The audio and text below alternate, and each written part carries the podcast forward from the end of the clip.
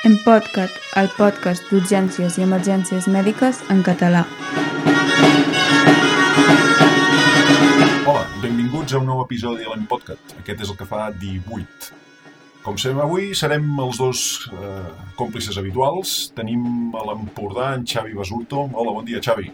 Hola, bon dia, Albert. En Xavi és metge d'urgències a l'Hospital de Figueres i a l'ambulància del SEM del territori. I si no em falla la memòria, té Facebook, però no el fa servir. Sí, sí, no, de moment uh, no, no ho faig servir. I sobretot, sobretot, sobretot, té un projecte de divulgació de la medicina d'urgències en català que és l'urgent.cat. Uh, sí, exacte, en urgent.cat, quan tenim una miqueta de temps i ara, el, uh, no sé, des de l'estiu així que, que tenim, anem una miqueta apretats, doncs no, no hem publicat gran cosa, però sí, hi ha, hi ha l'Urgem Cat, que està això, al, al, al blog i al Twitter i aquestes coses, doncs sí, anem publicant coses que ens semblen interessants, a part de les que anem posant aquí a l'Empodcat. I a l'altre costat tenim l'Albert, que està a la, a la Cerdanya, o Cerdanya, no? que és infermer de, de l'Hospital Transfronterer, a Puigcerdà, i que més, i amb, i amb els seus, eh, amb la seva pàgina, amb el seu blog de emermetpirineus.eu i punt algo més, no? No me'n recordo mai quin és l'altre. Punt cat, ah, punt cat, punt cat. no sé per què ara m'he quedat amb el punt eu. I, i a Twitter que arroba emermetpirineus, no? Me deixo alguna cosa? Ho faig bé això o no? Sí, però et deixes una cosa tonta que ara que l'Elon Musk ha comprat Twitter és important com que l'Elon Musk és el maligne de les pel·lis del James Bond, sí. doncs si ha comprat Twitter hem de marxar de Twitter. Doncs hi ha una xarxa, hi ha unes xarxes socials que n'hi diuen xarxes socials federades, que és una sí. història molt complicada i tal pels friquis. Eh, jo estic a una que es diu mastodon.cat, sí. arroba invermetpirineus, arroba mastodon.cat. Molt friqui, si sou allà... És molt friqui, molt friqui. Segur que no s'hi apunta ningú, però mira, és, és com quan, quan, quan Twitter no coneixia ningú, sí. és això. I, I és a nivell internacional això? Hi ha gent de tot el món allà o és una mica més... Eh, què? Com que és distribuït, el Mastodon.cat és, en principi, és amb gent de parla catalana, però saps aquell... El One Pager ICU, aquella recomanació que vaig llançar fa uns episodis del doctor sí. Nick Mark? Sí.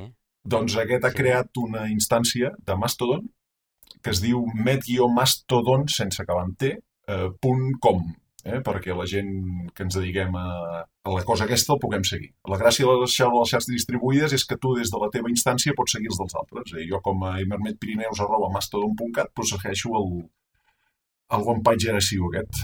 En fi, molt friqui, molt friqui. El, el grup de Telegram que tenim, eh, una altra cosa que us hem de dir, tenim un grup de Telegram, eh, en podem parlar, si volem. Val, val, val, val. També tenim Instagram, que com ja no paro d'insistir, no fem postureo, a més a més del Twitter on anem publicant les coses. I tenim una novetat per aquest episodi. Més novetats? Més és... novetats per aquesta sí, temporada? Tenim, tenim una novetat, tenim una novetat. Avui ja vaig dir que aquest any tindríem novetats. eh, tenim una novetat. Digues. I és que estem al YouTube. Hombre, hombre, i, i, i hem de sortir nosaltres fent tonteries o, o com no, no, no, no, no, ah. no. De fet, eh, mira, fins l'episodi 15 només hi ha els àudios amb un logo posadet a sota, eh, perquè us en recordeu antigament quan les... estàvem per casa amb la tele de fons sí. escoltant la tele mentre fèiem coses, doncs mira, ara jo veig que els meus fills foten el mateix amb el YouTube. Sí. Estan fent els deures amb el YouTube allà emprenyant, que pots comptar quina merda de deures si surten, o sí. estan fent qualsevol cosa amb la, mirant la pantalleta del YouTube. Doncs, pues, sí. bueno, mirant. Ja m'entens, mirant, eh? Doncs pues fem el mateix, tu. Fotem els vídeos, oh, sí. que l'únic que, fa, l'únic que serveixen és per postar l'àudio. Però mira, els dos últims episodis, el 16 i el 17, he aprofitat sí. i he posat eh, doncs la informació visual. El 16, com que hi havia d'haver-hi electros i Val. algú va dir, hòstia, que els electros, bé, com ja vam dir, no? descriure electros és verbalment és complexa, és doncs mira, sí. doncs si ho tens allà al costat mentre estàs fent altres coses, mires la pantalleta, el requadre del YouTube mentre ens escoltes i veus allà Val. O sigui, a partir d'ara, a partir del 16 en endavant, doncs ja anirem afegint una poca informació visual. Però no serem nosaltres dos, que val, pels val. qui no ens conegueu, millor, millor. Eh, no us perdeu res, tampoc, val. eh? Val, val, millor. Molt bé, molt bé. Ja ja n'hi ha prou amb la veu. Uh, sí, molt bé. sí, sí. Molt que bé. ja fem a dormir a la serp, doncs imagina't. Vinga, va. Uh, avui tenim un tema que ens ha d'explicar el Xavi, que quan vulguis, Xavi, pots començar. Mira, sí, jo tenia un tema que ja portava temps eh, al darrere per anar-lo actualitzant i és el tema de, del TEP, no? del, del trombombolisme pulmonar. I com que és una miqueta llarg, doncs hem decidit eh, dividir-lo en, dos, en dos episodis i avui explicarem el primer i el següent episodi, doncs, a no ser que surti un tema urgent o, o molt més interessant, doncs farem la segona part. Aquesta primera part volia parlar, com seguint l'ordre cronològic amb la qual ens enfrontem amb, amb algun pacient que tingui un TEP. Doncs, eh, com és lògic, la primera cosa seria sospitar-ho. Vale? La segona cosa seria estimar quina probabilitat té aquest pacient de que realment sigui un TEP i després confirmar-lo o descartar-lo. I eh, un cop fet això, una cosa que poder ja no fem tan habitualment és eh, estratificar la gravetat d'aquest TEP, que lògicament ja tenim eines, ja fem servir alguna cosa, però no ho fem gaire estructuradament o de forma sistemàtica i estaria bé que quan tinguis un diagnòstic de TEP posis eh, quin diagnòstic té i quina, i, i al costat posar-li el, el cognom de dir pues, eh, quina gravetat té aquell, aquella situació que té aquell malalt. I després, això és el que parlarem avui, i després al següent episodi parlarem exclusivament doncs, de temes d'anticoagulació i, i trombolisis de, dels pacients que tenen un TEP. Bé, com, com hem dit, eh, abans de començar a fer res amb el TEP, eh, s'ha de, lògicament, sospitar que el pacient eh, té, que pugui tindre un TEP.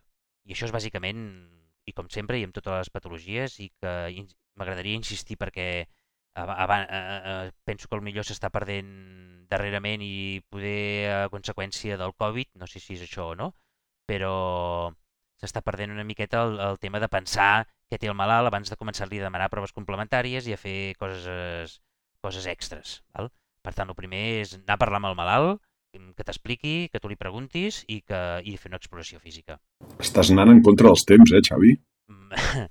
Estàs anant en contra dels temps, mare de Déu. O sigui, tornar... Estàs... I sobre diràs que s'ha d'explorar el malalt i tot. Una miqueta sí, una miqueta sí. Home, si tens... Doncs mira, es pot explorar una miqueta mirant el present, que seria, per exemple, fer servir l'ecografia. No? Ara ja hi anem molt sovint amb l'ecògraf, o anem a buscar l'ecògraf, doncs suposo que d'aquí pocs anys ja anirem amb l'ecògraf sempre a la butxaca i quan vagis a escoltar un malalt, doncs li posis el fonendo i li posis el transductor del, de l'ecògraf. Per tant, això ho interpreto com a exploració física i realment poder s'està perdent. Eh? Aleshores, sí, t'ho dic perquè moltes coses que recomanen a les guies i hi ha gent que es dedica a això és que abans de començar a demanar proves complementaris, que si el D, que si passar les cales de no sé què, el més important és que ho apliquis, això ho demanis a gent que ja creguis que té números de tindre un TEP, no qualsevol persona que ve a urgències per una dísnia. Per tant, això, anamnesis i exploració física. Un cop amb això, pot ser que només que et vegis el malalt i li facis quatre preguntes i te'l miris, eh, per el que t'explica, doncs ja, ja sospites que té un TEP i gairebé descartis qualsevol altra causa no, de la dísnia, del dolor toràcic o de l'hemoptisis que té o del síncope que ha fet, doncs ja diguis, ostres, aquest, aquesta persona té molts números de tindre un TEP, perquè, no sé, si l'han operat recentment, ha estat enllitat o es va trencar el turmell i ha estat enguixat, no s'ha posat l'heparina i és una mica obès i fuma i no sé què, doncs millor si no té clínica d'infecció respiratòria, les, les, les alarmes del TEP se t'han de posar davant, no, poder no cal fer gaires coses. Però si no, si no és tan clar el cas, és quan hem de fer, utilitzar algunes eines. Vale? Pues en aquell que no veus que sigui una pneumònia, que no veus que sigui una, una broncospasma en un pacient asmàtic, que no veus que sigui un pneumotòrax, que no et sembla que et sigui un problema coronari o qualsevol altre problema, doncs és llavors quan has de pensar, ostres, no, no tindrà un TEP. Doncs és en aquest moment en el qual comencem a aprofundir en la segona part, no? després de la sospita, anem a fer eh, el diagnòstic. I pel diagnòstic, per confirmar-lo o descartar-lo, doncs es tracta, com moltes vegades fem, hauríem de fer de forma més conscient en medicina i sobretot a urgències doncs, és estimar la probabilitat de que aquella sospita sigui real o no ho sigui i la descartem i el pacient o se'n pot anar a casa o li has de buscar alguna altra patologia. Aleshores, un cop tenim això, hi ha una guia de, de la Societat Europea de Cardiologia del 2019 que ens recomana dos, dos escales que podríem fer servir perquè ens ajudin a, a saber la probabilitat de que aquest pacient amb aquests símptomes que explica i amb aquesta exploració física i la, la teva preestimació de, de la probabilitat pues, t'ajudin o no i són l'escala de Wells, hi ha l'escala de Wells pel diagnòstic de la trombosi venosa profunda i després hi ha l'escala de Wells pel TEP. Tant te diuen les, les guies que pots utilitzar aquestes dues escales, o la, o la de Wells pel TEP o l'escala de Ginebra eh, revisada. Per tant, a tots els, a tots els pacients en els quals sospitis que allò que té no et quadra amb qualsevol altra patologia i, per tant, se t'encén la llumeta del, del TEP, defineix-te, mires aquestes dues escales, si la de Wells o la de, o la de Ginebra revisada, quina t'agrada més i, o quina et sents més còmode fent servir i utilitza-la. Hi ha algunes petites diferències. Per exemple, l'escala revisada de Ginebra, tots els paràmetres són clínics, no hi ha proves complementàries. I la diferència que té amb, amb l'escala de Wells és que no hi ha una valoració subjectiva del professional. És a dir, en l'escala de Wells, un dels ítems, et pregunta si creus que el TEP és la primera opció diagnòstica que tens per a aquell pacient. Vale? Això ja inclou, no, no és un paràmetre objectiu, no és una temperatura, no és una freqüència respiratòria, no és un antecedent que tens de que aquell pacient tenia antecedents de TBP previs o el que sigui, no és una cosa objectiva. T'està demanant, creus que és la primera, el teu primer diagnòstic diferencial? Clar, això depèn de, del professional, és, és interpretable, és subjectiu. Aleshores, poder tant l'escala, la Societat Europea de Cardiologia no aposta ni per una escala ni per l'altra. Per tant, utilitza la que, la que et sembli més adequada. La de Ginebra, mira l'edat, més de 65 anys, antecedents de TBP o TEP, eh, cirurgia amb anestèsia general o fractures d'extremitats inferiors durant el darrer mes, que tinguis una neoplàsia activa o, o, o curada de fa menys d'un any, que tinguis dolor a extremitats inferiors, hemoptisi, freqüència cardíaca de més de 75, eh, i ja està, eh? sí. Eh, I amb tot això fa tres eh, nivells de probabilitat de ser un TEP. Vale? De 0 a 3 punts te diu que és de baix risc, amb la qual de 0 a 3 t'està dient que aquell, aquella persona que tu ja sospitaves que podia ser d'un TEP, doncs, si té 3 punts, eh, arribes entre 7 i 9% de possibilitats de que allò sigui un TEP. És un baix risc. Si té 10 punts, entre 4 i 10 punts, estem a un risc intermedi i això vol dir que el pacient ja pot tindre entre un 20 i un 30% de possibilitats de que allò sigui un TEP. I si té més de 10 punts, doncs, eh, és més d'un 30% i per tant aquí ja, aquí ja, ja ho tens bastant assumit que aquell pacient fàcilment pot tindre un TEP. Aleshores, a partir d'aquí, amb aquestes probabilitats hem de fer coses. Està clar que si té més de 10 punts, per tant té un més d'un 30% de que allò sigui un TEP, què hem de fer? Pues, no cal fer res més, sinó que anar a parlar amb el radiòleg i demanar-li un angiotac per descartar o confirmar aquell TEP. Necessita un, necessita un TAC. Si estem en la zona intermèdia, entre, entre 4 i 10 punts de l'escala de Ginebra revisada, estem en un risc intermedi, doncs en, aquest, en aquest risc intermedi eh, te recomano que facis un dimer D. I en funció d'això doncs, eh, decidiràs que el dimer D te surt alt, doncs necessites un angiotac. Que si el dimer D te surt baix, doncs després veurem què fem. Si el risc d'entrada és eh, baix, amb l'escala de Ginebra revisada, que són de 0 a 3 punts, utilitzes una altra eina, que és la regla de PERC, Val? No sé si, si et sonava, Albert, tu et sona la regla PERC? Sí, sí, sí, de PERC Rule. Pulmonary Embolism Risk no sé què. Sí, aquesta mm, la fem servir per descartar, o sigui, en aquests pacients que ja tenen un baix risc d'entrada, que és una, el, que diem, el que en diem una probabilitat pretest baixa d'un TEP, perquè li hem fet l'escala de Ginebra revisada i ens surt de baix risc, doncs en aquests que, que tenen un baix risc, menys d'un 15 o menys d'un 20%, utilitzem la, la regla de PERC. Vale? La regla de PERC mira l'edat, la freqüència cardíaca, la saturació, eh, si tens edemes a les cames, si tens hemoptisis, eh, intervencions quirúrgiques, traumes, que hagin necessitat anestèsia en les últimes 4 setmanes, o antecedents de TBP, o TEP, o hormonoteràpia. Si no tens res de tot això, i tot és correcte, tens 0 punts, doncs amb això descartes un TEP. I, i no cal fer res més.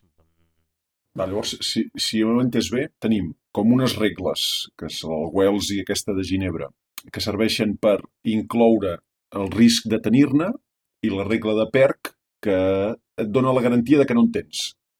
bueno, garantia, evidentment no és cap garantia, vull dir, el, el, el, la possibilitat de que no el tinguis. Exacte, inclou una sèrie, és com passar una altra prova diagnòstica, aviam si també dona negativa, no? Si tu tens un dolor toràcic i vols descartar un síndrome coronari agut, doncs si tens un electronegatiu, o sigui normal, i si tens unes troponines que també són negatives, doncs ja tens dues proves diagnòstiques que una multiplica els efectes de l'altra. Per tant, ja tens més garanties de que el pacient no tindrà un síndrome coronari agut.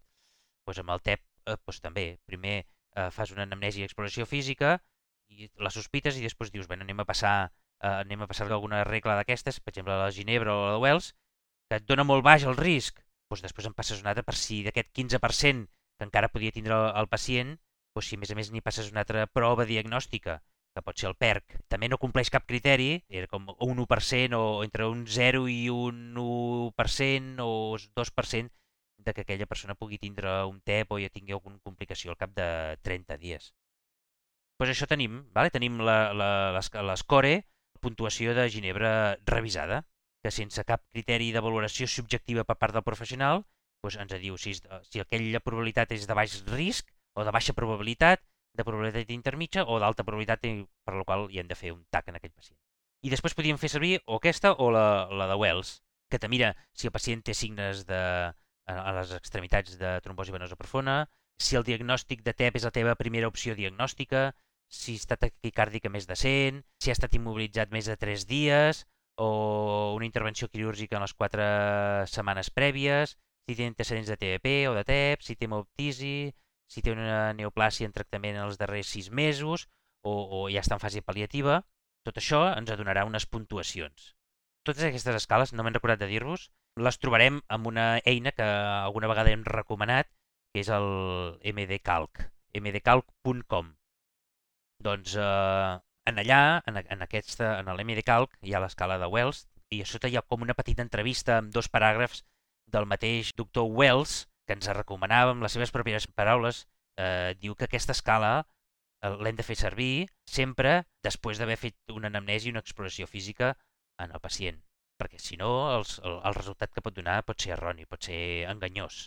I també te recomana això, eh, no demanar d'entrada ja un pacient que no li has calculat la probabilitat de que tingui un TEP, doncs de començar a demanar doncs, el DIMER-D o altres proves complementàries per tal d'evitar els falsos positius. L'escala de Wells un cop eh, passes tots els criteris aquests, hi han dues formes d'obtenir els resultats. Una que és un, amb un model que té dues categories, que te diu alt risc de, de que allò sigui un TEP o que sigui improbable. És un model categòric, o blanc o negre. Però també te donarà els resultats en tres categories, de baixa probabilitat, moderada o alta probabilitat. Poder sembla que està més recomanat el de dues categories. Vale? El de dues categories, doncs això, si l'escala de, de Wells te dona entre 0 i 4 punts, vol dir que el TEP és improbable, tot i que sigui improbable, eh, pot arribar fins a un 12% de probabilitat que allò que t'estigui explicant el malalt sigui un TEP, un 12%. Aleshores, què te recomanen després d'això? Similar a l'anterior, és fer un DIMER-D. Si aquest DIMER-D te surt negatiu, la probabilitat o la incidència de que finalment aquell pacient tingui un TEP durant els següents 3 mesos és d'un 0,5%. Per tant, hem passat d'un pacient que tu pensaves que allò podia ser un TEP, li passes l'escala de Wells pel TEP, te surten 3 punts, saps que allò com a màxim és un 12%, és poc, però si li passes després, li fas un dimer D i és negatiu, d'aquest 12 te'n vas al 0,5%. Per tant, aquest pacient eh, pot marxar cap a casa o, o li has de buscar una altra patologia. I l'altra opció és que si te dona l'escala de Wells més de 4 punts, la probabilitat del TEP és d'un 37, podria arribar a un 37%. Val? Aleshores, com que ja estem a més d'un 20 o un 30%, el fet de fer un dimer-D i que el, el dimer-D te sortís negatiu, amb un pacient que ja d'entrada té una probabilitat tan alta, el fet de que el dimer-D te sortís negatiu no seria garantia de res. Aleshores, ja has de fer alguna tècnica diagnòstica més específica, que seria el TAC, vale? un angiotac. Podria ser el mateix, el model de tres categories, te diu baixa probabilitat, moderada i alta, amb el qual a la baixa probabilitat te diu que després li passis el PERC, que hem parlat abans, per estar segur que aquesta baixa probabilitat encara és més baixa i, que, i per tant el malalt pot marxar cap a casa. Si fos moderada, li has de demanar un DIMER-D i si és alta, li demanes un TAC. A veure, o sigui, el, ve, el, ve un pacient queixant-se d'alguna cosa, que mai et dirà que ve amb un emboli pulmonar, oi? Sí. Eh, tu tens uns símptomes de sospita que en les regles que ens has parlat, de tant la regla de Wells Ginebra, com la de Ginebra, ja més o menys et fas una idea de, de quins són aquests símptomes, que, aquests signes i símptomes que has de sospitar. Amb això li dones una puntuació. En funció de la categoria en la qual ha anat puntuat, li demanaràs sí. les proves complementàries que siguin sí. necessàries. Que pot ser que sigui cap. Uh, exacte. Sí, sí, sí. Si la persona té un risc per aquesta, la de Wells que parlaves de baix risc, i llavors, li, com que és de baix risc, li mires el, el PERC i et sí. surt risc de misèria, doncs no té un TEP i per tant no li hauràs de demanar proves del TEP, el descartes i et dediques a buscar una altra cosa. Sí. Ho he entès bé, oi? Sí, sí, les, pensa que les escales i les puntuacions i tot això les hem d'interpretar igualment com si, fo, com si fossin proves, són proves diagnòstiques, igual que el DIMER-D o igual que el TAC i tot això. Tenen la seva sensibilitat, la seva especificitat. Vull dir, no és que no li facis res més, és que si, si jo faig servir l'escala de Ginebra revisada i em surt de baixa, baixa probabilitat i li faig una següent prova que és la, que és la regla de PERC, i tot això és negatiu, tot això és normal, o se'n va cap a casa o li busques una altra causa. L'important és escoltar-te malalt i fer una exploració física i a partir d'aquí, si alguna cosa te fa pensar que allò podria ser un TEP, i sobretot perquè no li trobes una altra causa, doncs després comencem amb els criteris de Wells o de Ginebra. I a partir d'aquí o li demanaràs un TAC, o li demanaràs un DIMER-D, o li passaràs una altra prova diagnòstica com pot ser el PERC per acabar de descartar-ho i que el pacient se'n pugui eh, lliurar d'aquesta patologia eh, amb tranquil·litat. I, I una cosa que el meu, el, el meu petit cor d'electrocardiografia se sent trist. Ah, ostres. Perquè no has ostres, dit res. Aquestes regles no contemplen en res d'electrocardiografia? Res, res. Em sap greu, però... I allò, allò tan antic, l'S1 Q3 T3 ja no, no, no serveix? Uh, no. Ara, ara no es veu, però si em veiéssiu estic a punt de plorar. Però ara ja ah, ho sabíem, que l'S1 Q3 T3 no serveix perquè és poc específic. Sí. I sembla que l'única cosa que hi ha electrocardiogràficament que et pot orientar cap aquí és la taquicàrdia. I per una sí. taquicàrdia no necessites pas un electro, ja sí. mesurant el pols ja el tens. Oi? Sí. Però és un, molt trist, és molt trist. Una cosa que teníem, que ens havien fet creure en el seu dia que era altament sensible i resulta que no, que no ho és gens. En, tot, tot això, si vols, eh, en el següent apartat que hem de fer l'estratificació de la gravetat del TEP, l'SU-Q3T3, te faré un spoiler i, i, i, i té utilitat. Ara em sento millor, ara em sento millor. Vale, va. Doncs parlem de... Ja tenim que el pacient ens eh, llegim l'informe del radiòleg i el radiòleg ens diu que allò que estàvem pensant s'ha complert, perquè ja, ja partíem d'un 30% més o menys de probabilitats. Aleshores, anem a veure si el TEP és un TEP de boix molt baix risc, que fins i tot en alguns indrets del món el podríem donar d'alta i que se'n vagi cap a casa tranquil·lament amb el seu TEP i el seu tractament, lògicament. Aleshores, va, establim la gravetat d'aquest TEP, vale? és a dir, la mortalitat que té aquell TEP durant l'ingrés o durant els propers 30 dies. Això és el que estem intentant eh, avaluar, perquè en funció d'això doncs la nostra actitud eh, serà una o serà una altra. Què necessitem per establir aquesta gravetat, aquesta mortalitat? Doncs eh, necessitem totes les constants biològiques, les constants vitals, vale? que puguem la tensió, la freqüència cardíaca, la saturació, etc. Molt, molt, molt important, la bàsica és la tensió arterial, vale? també ens pot ajudar l'índex l'índex de xoc, l'índex de PESI, que després, eh, després en parlarem, electros, eh, l'ecocardio transtoràcic o l'ecocardio que nosaltres podem fer a peu de llit si ja hi tens una miqueta d'experiència també et pot ajudar.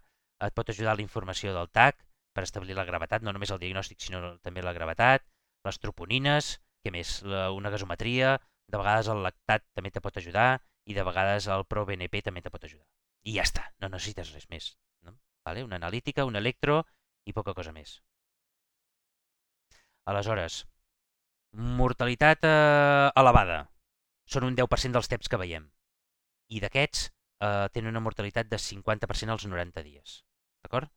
Eh, per tant, són lògicament els greus. Són els menys, són els menys freqüents, però clar, tenen una mortalitat del 50%. Després tenim... déu nhi déu nhi eh, Sí, sí. Tenim els... Clar, són, són els TEPs que d'entrada ja, quan, els, quan ja, ja veus que és un TEP, és, eh, ja només hi han quatre característiques que veuràs que et fa una miqueta de por. Els de mortalitat intermèdia són un 40% de tots els temps que veuràs i d'aquests eh, la seva mortalitat és el 40% als 90 dies. Vale? O sigui, Déu-n'hi-do, déu nhi es, es moren també molts. Sí, també. I els de baixa mortalitat, aquests poder sí que són els, els més, més habituals, els més freqüents, és un 50% dels temps que veuràs, i només tenen una mortalitat d'un 1%, entre un 0 i un 2% eh, als 30 dies. Amb la qual si tu veiessis eh, durant els pròxims 10 anys, veiessis 100 TEPs, hauries d'esperar tindre 5 morts dels que són d'entrada d'elevada mortalitat, només 5 perquè són, són pocs. Hi ha, hi ha una, morta, una mortalitat molt alta, però són en realitat, en el conjunt de 100 TEPs, eh, són poca quantitat. Per tant, només se n'haurien de morir 5. En canvi, dels de, dels de mortalitat intermèdia, uh -huh. que ja són molts, en aquests, de, de 100 TEPs, eh, hauries d'esperar que se te morissin 16. Vale? O sigui, se't moriran molts més pacients de mortalitat intermèdia que no pas de mortalitat elevada. Per tant, molt bé que ens fixem en, els, en el TEP que ja et ve xocat i tal, però mm, amb els altres tampoc no els hem d'infraestimar. Vull dir que tenen un TEP i en aquí alerta i, i ser curosos quan fem el maneig eh, farmacològic i, i li posem tot el tractament que necessita.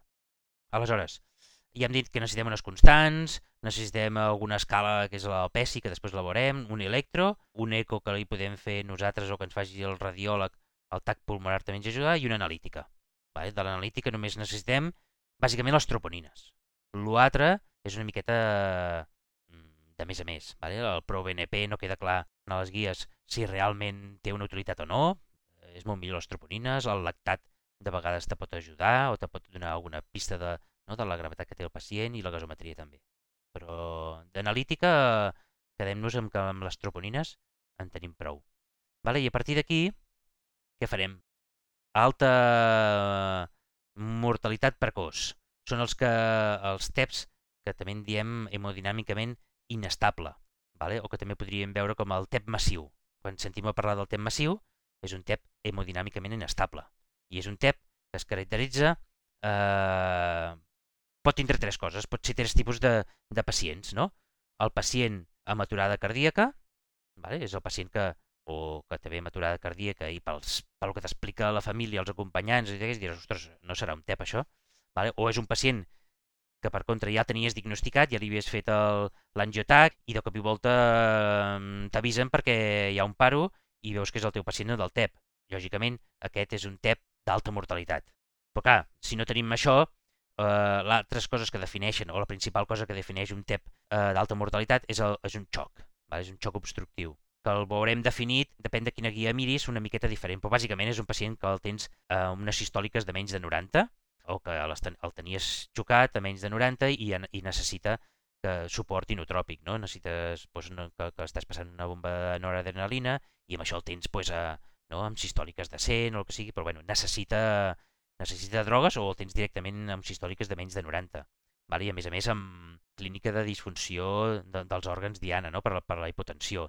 Pues està amb una alteració de l'estat mental, amb pell freda, amb livideses, oligoanúric, no? amb una elevació del lactat, que hem dit abans, no? que podria ajudar-nos a, a, a diagnosticar aquest xoc obstructiu, o el tens amb un pacient amb, amb una hipotensió mantinguda, o amb una tensió que li ha baixat a més de 40 mil·límetres de mercuri eh, durant més de 15 minuts. I que, lògicament, en qualsevol d'aquests casos, aquesta hipotensió, aquest xoc, no, no ho pots atribuir-ho directament a qualsevol altra causa. Per tant, el TEP d'alta mortalitat, el TEP hemodinàmicament inestable, el TEP massiu, és o una persona que el tens xocat, amb sistòlica més de menys de 90 o amb suport inotròpic, o és un TEP que s'ha parat i el tens amb aturada cardíaca. Altres factors que també podries dir, ostres, eh, poder no, no compleix els criteris eh, estrictes, però és un pacient que a mi em fa molta por, doncs seria el, el pacient que, que té un TEP i que té una bradicàrdia important, una bradicàrdia profunda i de forma persistent. És el pacient que el tens amb freqüències cardíaques de menys de 40 i amb signes de mala perfusió. I l'altre, que t'indica que és un pacient amb, amb poca reserva hemodinàmica, és el que té un índex de xoc superior a 1. És a dir, que les, que les seves freqüències cardíaques superen a la, a la seva sistòlica. Per tant, el TEP d'alta mortalitat el veurem, jo penso que fàcilment. Després, tenim el TEP, el TEP eh, de mortalitat intermèdia. Aquest ja has de tindre en compte alguna, alguna cosa més. Recordo que són dels més, dels més freqüents, no? és un 40% de tots els TEPs i té una mortalitat del 40%. Eh, als 90 dies, tot i que sabem que la major mortalitat la veurem durant els primers 3 dies, les primeres 72 hores. Uh -huh. D'aquests, és, lògicament és un pacient que no està hipotens, vale? és a dir, té unes, unes històliques de més de 90, vale? i que no requereix d'entrada noradrenalina, perquè si tingués hipotensió i, o necessités noradrenalina, doncs ja, ja seria del, de l'alta mortalitat. Per tant, és un pacient que està doncs, en tensions normals i que té un índex de PESI superior a 0. El PESI, el recomana també la Guia Europea de Cardiologia del 2019, eh, el recomana que, que l'utilitzem en pacients que estan estables, com hem dit, amb tensions eh, normal, i és una eina que combina la severitat del, del TEP amb les diferents comorbiditats del pacient. I és una bona eina per identificar aquells pacients amb un TEP de, de baix risc. Baix risc vol dir que si té 0 punts en, en l'escala aquesta, indica que té una mortalitat als 30 dies de 1%. Per tant, en, per identificar aquests riscs eh, mortalitat intermèdia, hem de tindre un PESI que no sigui 0, perquè el 0 hem dit que, no, que, està, que està tot bé. Ha de tindre un PESI amb algú, que puntuï en alguna cosa. Saturació de menys de 90, o freqüència cardíaca més de 110, o sistòliques entre 90 i 100, vale? o més de 80 anys, o antecedent d'una neoplàsia o antecedents cardiopulmonars. Ha de tindre això. Després, pot ser que també tingui problemes o que veiem disfunció del ventricle dret. I aquesta disfunció la veurem o perquè el radiòleg amb el seu TAC t'informa de que ja té una, una dilatació del ventricle dret o que tu li facis una eco i vegis algunes alteracions que si vols després en parlem en l'eco, que podem fer nosaltres a peu de llit si tens una mica d'experiència i tens un transductor que, que t'ho permeti veure, doncs eh, bueno, hi ha diferents imatges que podem veure doncs que, que ens diuen que el, que el ventricle dret no funciona o que està dilatat. Uh -huh. I després també tenim marcadors biològics que a través de l'analítica que ens poden ajudar a identificar aquests pacients de risc intermedi, com són eh, les troponines, que ens eh, identifiquen no? necrosi miocàrdica, o ja no, té, ja no queda tan clar si el NT pro BNP eh, superior a 500 eh, picograms per mil·litre també ens pot ajudar o no. Vale? Per tant, aquests de risc intermedi són els que no estan xocats, però o que tenen un PESI d'un punt com a mínim, o que tenen alguna disfunció del ventricle dret, sigui per l'eco o pel TAC, o que tenen alguna alteració en els marcadors biològics, sigui eh, sobretot la troponina o, entre cometes, o entre parèntesis, el ProBNP. Aleshores, com que és un, aquest de mortalitat intermèdia una miqueta més difícil de definir, ho han classificat amb mortalitat intermèdia alta o amb mortalitat intermèdia baixa. Si ara en comptes de tres estrats en tenim quatre. Sí, sí, l'intermedi doncs, el divideixen en dos. Aleshores, l'intermedi alt vale, és aquell pacient que tingui o no tingui eh, el PESI de 0 o del... normalment tindrà un PESI eh, com a mínim d'un punt, perquè segurament de, de satura una miqueta, o va una miqueta taquicàrdic, o té més de 80 anys, o té antecedents de no sé què, val? És, és difícil que fos de zero. Però encara que si fos de zero, uh -huh. és un pacient que té les, les dues següents coses que hem dit. Una disfunció del ventricle dret, més, més una elevació dels biomarcadors, troponines o, o ProBNP. Vale? Té aquestes dues coses. Vale? L'intermedi baix, és igual quin pes hi tingui, és un pacient que només té o disfunció del ventricle dret, per eco o per TAC, o elevació dels biomarcadors. Vale? Per tant, pot ser que un pacient que no tingui res, però només tingui unes troponines elevades. Vale? L'eco no et digui res, el TAC no et digui res del ventricle dret, només té unes troponines elevades o, o un ProBNP elevat, i dius, vale, doncs aquest és un, és un intermedi baix. Què ens pot ajudar que, que, per saber allò de la disfunció o dilatació del ventricle dret? Bé, sobretot hem dit allò, de la, allò del TAC, no? si el radiòleg te diu, o tu veus que té un ventricle dret de diàmetre superior al de l'esquerra, està dilatat, perquè normalment, normalment no, sempre el ventricle dret en condicions de salut és com un 60% del, de l'esquerra, una mica inferior del tamany de, de l'esquerra. Per tant, si veiem un ventricle dret per sobre, més gran, més dilatat que l'esquerra, és un criteri de gravetat. De fet, hem de pensar que augmenta la mortalitat d'aquell pacient amb TET en dos vegades i mitja. I després l'ecocardio, doncs, bueno, també ens ajuda a veure diverses coses. No? Eh, podem veure també el, en la posició apical de quatre, cam de quatre cambres podem veure el, el ventricle dret i l'esquerra i veiem si és més gran el dret que l'esquerra. Si ho és, tenim la certesa de que aquell pacient té una dilatació del ventricle dret. Després, en, en l'imatge del, de paresternal amb eix curt, podem veure un signe de la, el signe de la D, que és quan el ventricle dret fa pressió contra l'esquerra i l'esquerra li queda una forma, eh, si ho veus amb l'eco, eh, poder això ho podem posar en les imatges, uh -huh. no? quan posem en el YouTube, podem posar les imatges de, del signe de, de la D, necessites una mica d'experiència sí, sí. i haver-ne vist vàries o bastantes ecos amb el signe de la D, però bueno, es pot arribar, es pot arribar a veure. Sí, bàsicament el septe se'n va... perd la circularitat i se'n va cap a l'esquerra, diguéssim, no? Cap a l'esquerra, que apreta cap al ventricle dret i, i el septe fa com la, la, la, la zona vertical de la, de, la, de la lletra D a majúscula, pressiona i, bueno, sí que mires l'eco i, bueno, si ho saps i ho busques, eh, t'imagines que allà pot, hi ha una imatge que sembla una D, val? que en condicions normals no hi hauria de ser-hi. Val? Eh, jo penso que són les dues coses que nosaltres podíem arribar, així, de forma fàcil, saber mirant l'ecografia. Vale? Eh, amb l'eix llarg del paresternal també podríem veure el ventricle dret i veiem també la horta i veiem l'aurícula esquerra i en aquí, aquí també podem veure que el ventricle dret és més gran que la horta o que l'aurícula esquerra. És una altra imatge que, que, que és, una, és un dels signes més, eh, més sensibles.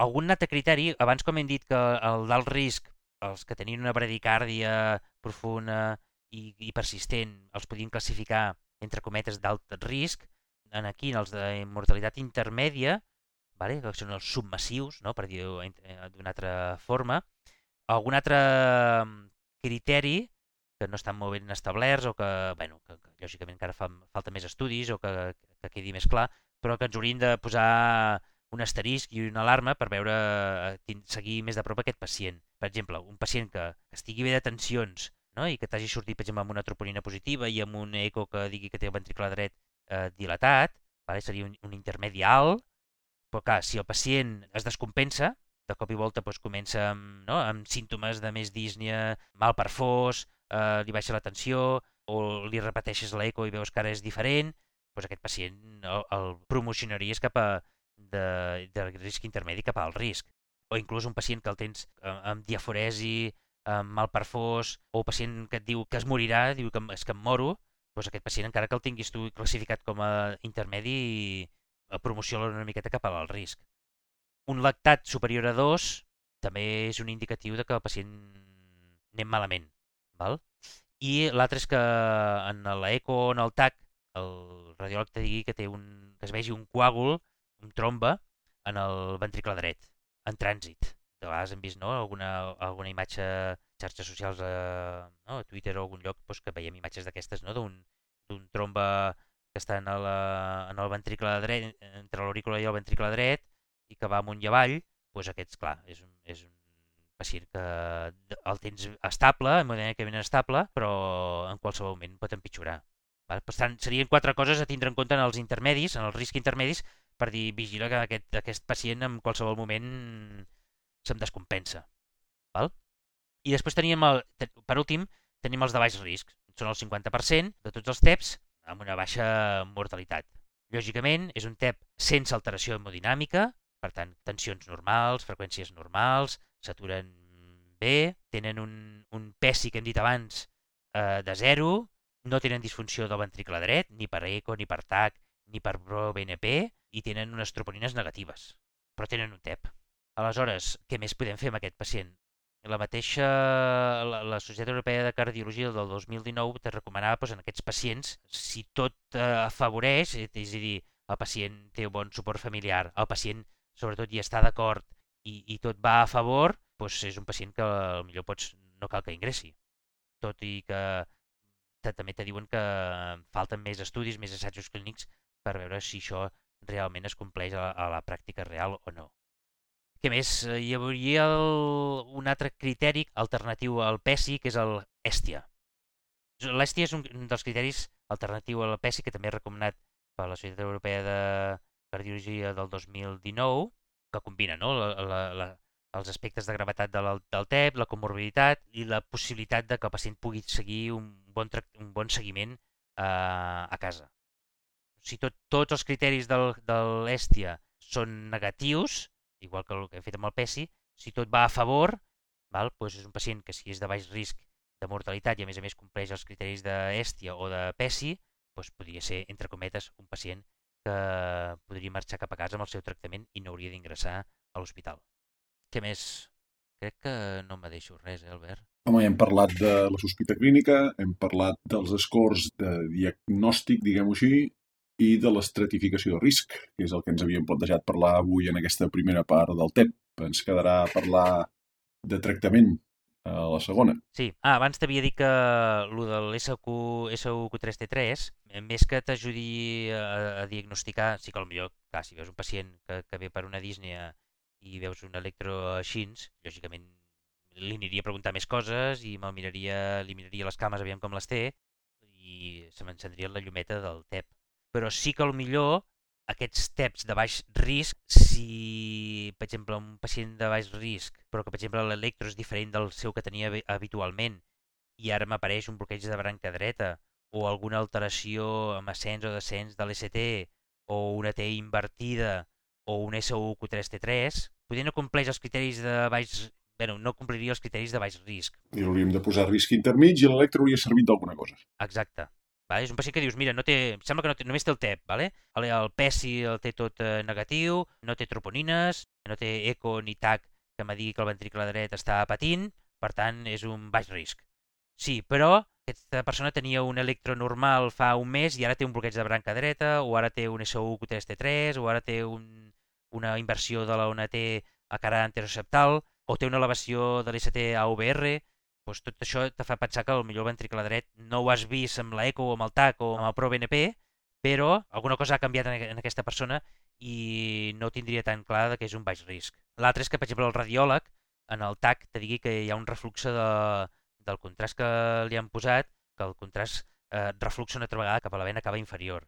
Això també és un, és un indicatiu de que bueno, és un baix risc però que posa-li posa, -li, una miqueta d'atenció. I els pacients que s'han manifestat a la clínica amb una síncopa, aquests també mirat-los amb carinyo perquè, tot i que ser de baix risc, o millor, si tot és normal, t'està dient que si ha fet una síncope perquè ha tingut aquest problema, és un pacient que té una baixa reserva hemodinàmica i que, per tant, és un pacient, si ja t'ha vingut per un síncope, sàpigues que és un pacient que, per mica que empitjori, és un pacient que no té reserva hemodinàmica i que fàcilment te'l pots trobar que, que, que empitjori i, i, i empitjori de veritat. Val? Molt bé. I jo ja ho deixaria aquí. Pròxim dia, si vols, parlem de l'anticoagulació i la, la fibrinòlisi i, no sé, i alguna cosa més que podem, Molt bé. podem parlar d'aquests pacients. Perfecte. Vale? Perfecte, doncs va, quedem emplaçats al proper episodi que va de parlar del tromboembolisme pulmonar, que segur que ens ha donat un ensurt més d'un ensurt a uns quants. Va, eh, vinga, passem a l'Urgent Mot. Vinga, avui de l'Urgent Mot jo tinc el meu i el Xavi ens explicarà els seus, que també està seguint una seqüència de coses, però eh, hem començat a fer una cosa, una juguesca al grup de Telegram, en què cada setmana aprofitem els Urgent Mots que el Xavi posa al seu lloc web, eh, perquè no ho hem dit, l'Urgent.cat no només hi té coses clíniques, també té el diccionari d'urgències, Sí. on ens escriu com anomenar correctament paraules que fem servir malament habitualment. Doncs el que fem és aprofitar una d'aquestes paraules i fem una juguesca, a veure qui l'encerta. Si voleu jugar, eh, haureu d'anar al grup de Telegram, però jo us llenço una de les juguesques que hem anat fent fins ara. Jo us poso una definició, us dono quatre opcions i vosaltres a veure si encerteu quina és la paraula correcta que segueix la definició aquesta. Vinga, va. Molt bé. La definició d'avui inflamació supurativa del teixit connectiu, concretament del teixit celular subcutani o subaponeuròtic, que té una gran tendència a la formació de necrosi. I us dono quatre opcions, vinga. La primera és flamor amb accent obert a la O, la segona és flamor amb accent tancat a la O, la tercera és flacmor amb accent tancat a la O, i la última és flamor amb accent tancat a la O. I aquest flamor, eh, em va. Molt bé. Només us diré que dos de cada tres dels que han participat a la juguesca aquesta la van encertar. Si voleu saber el resultat, ja ho sabeu, us heu d'apuntar al grup de Telegram. Bueno, només dos de cada tres no és només, és déu nhi és un... són dos terceres No, parts, està és, és bé, un 66%. No, no, Està, m'han fet un 63, no ho he dit bé, dos, no arriba a dos de cada tres. bueno, Però està molt bé, està molt bé. Està molt bé. Sí, sí, jo trobo que bé, tenim uns seguidors que, molt bé, molt bé. que la toquen. Molt bé, molt bé. Una altra de les juguesses que vam fer no va anar tan bé, però bueno, això n'hi ha cada setmana, o sigui que Val, algunes n'hi ha bé, d'altres no tant. val, val, doncs va, hi pensarem i ja, ja, ja ho recordarem a través de, no, de les xarxes, no, del Twitter o així, de, de, que- de participar en aquesta juguesca del, del Telegram. I, I hi ha premi per qui els l'hagin el primer que l'encerti o com ho veus això? Doncs de moment fins ara ho hem anat fent en anònim, o sigui que no sabem ben bé qui ha dit qui, o sigui que no ho sé. Potser ens podríem plantejar fer una lliga, jo què sé. Val, val, val. Va, i un cop dit això de les jugues, que el meu urgent mot d'aquesta setmana, que mentre estava revisant altres coses, vaig anar a espategar el, el diccionari de l'urgent, que ho faig sovint, i he descobert que el vessament pericàrdic de tota la vida, que per exemple fas amb una pericarditis, doncs que no és pericàrdic, és pericardíac. Coses del trencat, però, escolta'n, vessament pericàrdic, mmm, millor ni diem vessament pericardíac. Eh? Ben estrany aquest també. I si, i si, i si en lloc de vessament li de embassament? Ah, llavors ja seria l'escàndol. Embassament ah, pericardíac. Tre Sí, Terrible. Perquè, ah, jo ara t'ho dic així sense, sense consultar-ho, eh? però per exemple el pleural, tot i que és correcte, eh, és preferit, la forma preferida és embassament pleural. Embassament pleural.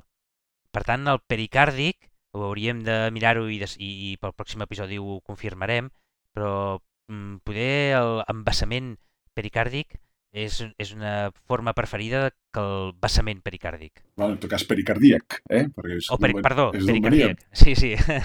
Quines coses té la llengua, eh? Escolta'm. Ostres, eh? Ah, Bueno, ens agrada molt Ah. jugar amb la llengua aquí, ja ho sabeu. molt bé. Va, què tens tu, Xavi? pues així, l'últim episodi vam parlar dels, dels signes i vam parlar de, del fremiment, que si el frèmit i aquestes coses, doncs és el fremiment, l'hipema, el nistagma, els, el, els reflexos vale? i el ventre de fusta. Sí. I avui volíem repassar no els signes, sinó els símptomes que la persona quan vas a fer allò o allò que es feia abans, que era d'anar a parlar amb el pacient i preguntar-li coses i que ell t'expliqui i tu li preguntes i després eh, l'explores, doncs eh, parlar de, dels símptomes que ell, que el pacient t'explica, els símptomes, vale? que la, les manifestacions subjectives pel pacient que, que te pot indicar que, que hi hagi una determinada patologia. Són manifestacions subjectives. Vale? Els signes són eh, an- anomalies objectivables i, la, i, el, i els símptomes, doncs, el que el pacient t'expliqui. val? I, per exemple, podríem parlar de, del cap rodo o rodament de cap. Vale? És aquesta sensació de, de, de rotació o desplaçament de, de, del que et rodeja. Val? Que el terme preferit pel termcat és el vertigen. Vertigen el defineix com això, eh? la sensació aquesta il·lusòria de rotació o de desplaçament de, de l'ambient o del propi cos, és, és, el, és el terme preferit, el vertigen, però una, uns sinònims complementaris que també són correctes seria el cap rodo amb un guionet, eh? cap guió rodo o rodament de cap. Oh, cap rodo, aquesta me l'haig d'apuntar, eh? Aquesta és maca, sí. Aquesta promet, eh? És maca. Després tenim la... un problema d'accents com el que, que has anomenat tu, Albert, abans, el pericardíac, doncs la diplopia. Jo sempre n'havia dit que el pacient té diplòpia. La el diplòpia no porta accent obert a l'O i, per tant, igual que en castellà, n'hem de dir diplopia. Després hi ha determinats pacients que tenen algun tipus de neoplàsia o tenen algun abscés que fa dolor. Doncs aquests pacients normalment es, es manifesten amb un dolor lancinant, que, que ve de llança, vale? lancinant. No, jo crec que normalment en deia lacinant, doncs ja hem de posar-hi una eina aquí al mig, un dolor lancinant. I els, els pacients que, no, que tenen migranyes o que tenen, pel que sigui, doncs, eh, tenen mal de cap, en podrien dir cefalea, però si et fa gràcia i vols dir-ho mm, amb el terme preferit del terme cat, doncs n'hauríem de dir cefalàlgia, cefalàlgia, amb accent obert a la A. I què més? I, quan, I després de fer una guàrdia molt llarga o has hagut d'anar a fer no, una gran caminada per la muntanya o has anat a córrer més del que estàs acostumat, doncs fàcilment l'endemà et fan molt mal les cames que no, no t'aguanten dretes perquè tens uns formiguets i unes punxades a tota la musculatura. El que sempre n'havien dit agujetes o agulletes o tiretes o altres coses, doncs eh, n'hauríem de dir cruiximent. Cruiximent. I què més? Ah, sí, uh, aquell dolor que t'apareix aquí baix en el flanc dret o a l'esquerra, no sé, per haver menjat ràpid o per el que sigui, quan s'acumula aire dins el, els budells, fa un dolor així punxant, allò és el flat.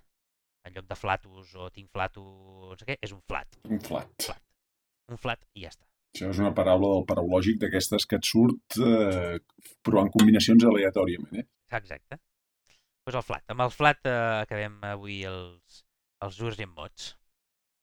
Molt bé. Va, i anem a les recomanacions. Jo en tinc una que, mira, avui com que hem, hem fet referència diverses vegades a això de l'exploració física, com un art de la medicina que s'està perdent, Doncs en tinc una que us reconciliarà Va, amb això. va, va, va. Avui estem fent, avui estem fent molt per la, per la ciència mèdica, eh? Estem fent apologia de l'exploració física. És un lloc web que es diu physicaldiagnosispdx.com, physical eh, P-H-Y. És un lloc web d'exploració física, eh, com diu el seu nom, Phys- Physical Diagnosis, que és espectacular. El tenen ordenat per diferents, no sé si dir-ne especialitats o per òrgans, Uh -huh. i n'hi ha alguns d'espectaculars. Per exemple, el de cardiologia, jo hi he dedicat pràcticament un mes a seguir-lo i al final ja era incapaç de, de seguir-lo tot. És tot un enorme, un llistat gegantí de tota l'exploració física de cardiologia. És, és només de cardiologia, eh? És, car és car tot cardiologia, dius o no? No, no, no, no en té diverses. Doncs Ah, té val, val. cardiologia, nefro, neuro, gastroenterologia i tal. No? I, I surt... Sigui, en el cas de cardiologia, que és el que em vaig fixar, bueno, totes els, les troballes auscultatòries les tens totes allà. Totes. Els bufs, tots. Tots estan allà, que evidentment jo els escolto i dic, però jo sento un igual que l'altre. Val. Però és que t'arriben a explicar fins i tot d'on ve la ona A del pols venós. I t'expliquen d'on surt això de la ona A, que era un expert de l'exploració física en el seu moment. Acollonant. Tot, tot. És, el veus eh, els típics vídeos del pulsus parvus, de, del, del, de xonsis de la granota, del signe de la granota. Bueno, mm, Bueno, molt bé, no? no em faig responsable de les hores que perdreu mirant aquesta pàgina. Però és espectacular. Va, doncs, eh, molt bé, molt bé. Pues intentarem, i, ho explorarem. Molt bé. Molt bé. Algun altre, Albert? No, no, una per, una per episodi, tu, que l'hem d'estirar, això. I jo què tenia? Jo tenia... Ah, sí. Jo volia parlar de, de l'Essential. De l'Essential, que penso que ja... O interpreto que tothom sap de què estem parlant, però volia recordar-lo. Uh, L'Essential és, una, és un projecte de col·laboració entre moltes societats científiques, entre professionals sanitaris, entre pacients i l'agència l'AQUAS, que és l'Agència de Qualitat i Avaluació Sanitàries de Catalunya, en la qual el projecte Essential intenten donar una sèrie de recomanacions en els professionals sanitaris i també als pacients de bona pràctica clínica. És a dir, intenten identificar tot, aquell, tot allò que fem, sobretot els professionals sanitaris, que no té cap valor i que no serveix de res i que, per desgràcia, doncs, fem, hem fet i continuem fent. D'acord? I el que fan és intentar-les identificar, treballant conjuntament amb les societats científiques, pacients i, i els professionals, doncs, doncs identificar-les, busquen tot, tot si hi ha coneixement científic a darrere d'aquelles pràctiques que fem i si veuen que realment eh, es confirma de que mm, allò no serveix de res, que no té cap recolzament científic i fins i tot que fins i tot podrien ser més perjudicials que beneficioses, fan un petit informe amb una recomanació que poden ser dues frases i després ho pots anar ampliant i veure i les explicacions i les justificacions i en, en base a quins estudis ho diuen, eh, etc. Però eh, te van donant aquestes, aquestes recomanacions. Vale? Per tant, l'objectiu final és que, que promoure una pràctica clínica que eviti realitzar pràctiques que no aporten valor a la població, a la ciutadania, i que, per tant, doncs, eh, millorar la qualitat de l'atenció sanitària, evitant no? doncs, fer coses eh, tècniques i diagnòstics i proves que fins i tot podrien ser perjudicials i que tenen un cost econòmic, es podria estalviar i invertir-lo en altres coses que fossin realment beneficioses. A través de la pàgina web de, en el GenCat, tenen una pàgina web que és eh, essencialsalut.gencat.cat, aquí tenim totes les, les recomanacions, que hi ha un buscador i a més a més les tens ordenades per especialitats i també tenim l'especialitat d'urgències, en la qual si entreu veureu que n'hi ha diverses, no? N'hi ha moltes de, de, pediatria, de pediatria en urgències, però també n'hi ha no? de, que si treure el catèter que no fa servir quan abans millor, que si les eh, necessitats de, de transfusió dels pacients... Bé,